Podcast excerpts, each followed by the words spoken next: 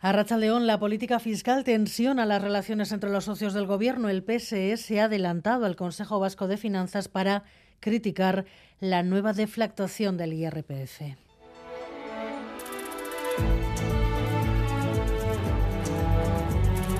Gambara con Arancha García. Gobierno y Diputaciones mantienen la fórmula de la deflactuación el año que viene para aliviar el bolsillo de los contribuyentes en un año de recaudación récord con la previsión de que el año que viene siga aumentando. Se espera que los ingresos crezcan otros mil millones. La nueva deflactuación será del 2%. Rodrigo Manero. Sí, las haciendas de Álava, Vizcaya y Guipúzcoa han acordado aplicar el año que viene una nueva deflactación en el IRPF del 2% y repetir la deducción extra de 200 euros para las rentas inferiores a 35.000, medidas que dejarán 100 millones en el bolsillo de los contribuyentes vascos para paliar parte de la inflación y que toman como referencia el IPC subyacente, que rondará el 3%. La sorpresa la ha puesto el Partido Socialista, que casi al mismo tiempo mandaba un comunicado en el que tilda de claramente insuficiente lo anunciado y pidiendo más medidas de choque para la ciudadanía. Bueno, el PSE dice que es poco, reclama más medidas para afrontar la crisis, la tensión entre los socios de gobierno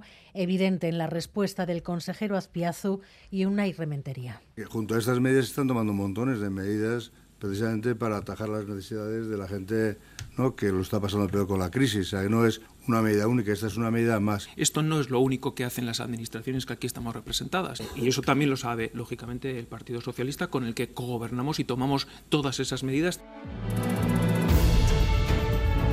La política fiscal en estos momentos tensionando las relaciones entre los socios del gobierno mientras la oposición EH Bildu y el Carrequín Podemos reclaman un golpe de timón al gobierno vasco. Quieren una reforma fiscal. Tiene que haber reflexión y movimientos, decía Mayalen Iriarte. Eta hau dana egiteko beharrezko fiskalitatearen inguruan zer, urkullu jauna?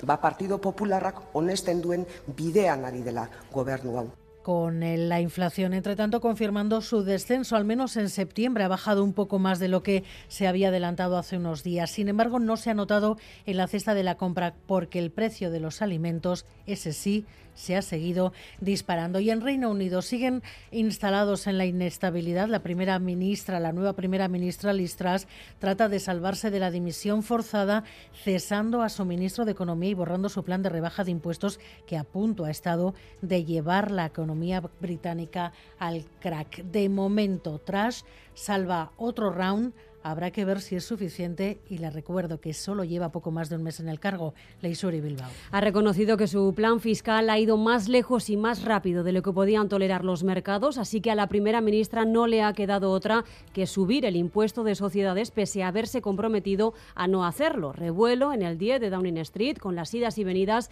de la primera ministra en poco más de un mes en el cargo. Según el diario The Times, los principales miembros de su propio partido están discutiendo la posibilidad de reemplazarla con una candidatura conjunta de Rishi Sunak y Penny Mordaunt. Bueno, pues recuerden cómo llegó tras al gobierno después de que el Partido Conservador echara a el anterior primer ministro. Y el Guggenheim cumple 25 años. Boulevard ha reunido hoy, ha reunido esta mañana al director del museo, al consejero de Cultura y al responsable de urbanismo del Bilbao que decidió arriesgarse con el museo. Aquí siempre se ha dicho, bueno, fuimos muy arriesgados tomando esta decisión y, lo fuimos y las instituciones vascas yo creo que hay que reconocerles el mérito de haber tenido esa capacidad de liderazgo y de apuesta por un proyecto en el que muy poca gente creía. Esto generó también eh, tensiones internas, las generó en el gobierno, entre algunos departamentos, eh, las generó entre el gobierno y las otras diputaciones, se generaron eh, tensiones territoriales. Esto genera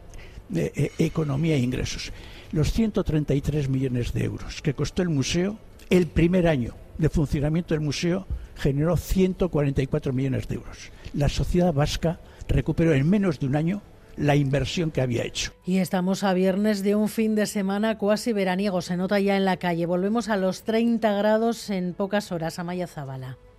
Así es, todo apunta que los próximos días vamos a revivir el verano, ya que el sol se va a convertir en el protagonista principal durante todo el fin de semana. Así nos contaba José Antonio Aranda, responsable de Euskalmet en Radio Euskadi. Y mañana ha pasado y próximos días en general, con la salvedad del lunes, van a ser días en los que el sol va, va, va a ser bastante más importante y lo vamos a ver bastante más que a las nubes. Además del sol, contaremos con temperaturas muy por encima de lo normal para esta temporada del año. Eh, nos vienen, tanto este fin de semana como martes y miércoles, nos vienen días muy bastante cálidos, muy cálidos para la época del año en la que estamos.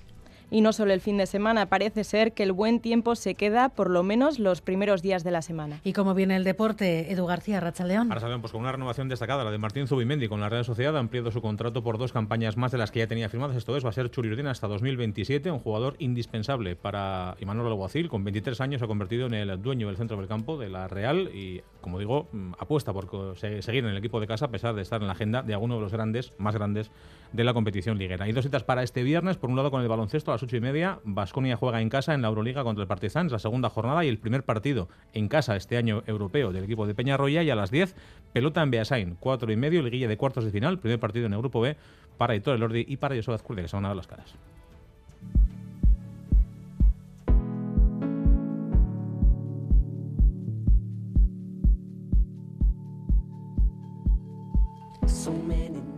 Hoy Xavier Madariaga pone el foco en cómo se socializan algunos discursos.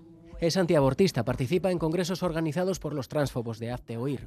Una persona ultracatólica. ¿Quién es? Seguro que la primera persona que nos viene a la cabeza poco tiene que ver con ella. Y hace nada descubrí unas pestañas postizas que quedan fenomenal. Tamara Falcó, la verdad es que no salgo mucho de mi cubículo. Hija de manual. Y muchas veces seguramente sean cosas mías. De cara muy amable, de las que pueden llegar incluso a hacerse querer y a la que se sirve en bandeja el altavoz del prime time de las cadenas españolas. Amigas mías que han abortado y la verdad es que yo no las veo más felices por ello. Y veo a madres de 12 y 13 años sin recursos que están sacando a sus hijos adelante con unas sonrisas en un trabajo tal y digo, bueno, no sé, o sea, después este pasado mes, para casi todos, ha sido imposible escapar a los titulares sobre su separación. Los programas de televisión más seguidos le dan la opción de colarse en los hogares de miles de personas. También la plataforma Netflix le dedica un reality. Bueno, pues ojo, porque el fenómeno Tamara está en la sopa tiene una explicación muy preocupante. Es una de las señales de hasta qué punto estamos asimilando mensajes de la ultraderecha.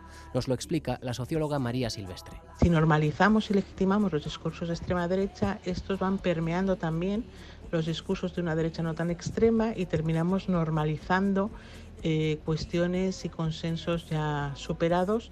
La presencia, por ejemplo, de Tamara Falcó en programas de televisión de máxima audiencia viene a ser un ejemplo. Aparentemente nada que ver con la Lepeno o la Bascal de turno, pero la glamurosa Tamara consigue, igual igual que hacen ellos, que cuestionemos consensos superados hace mucho tiempo. Miguel Ortiz y Jorge Ibáñez en la dirección técnica, Cristina Vázquez en la producción.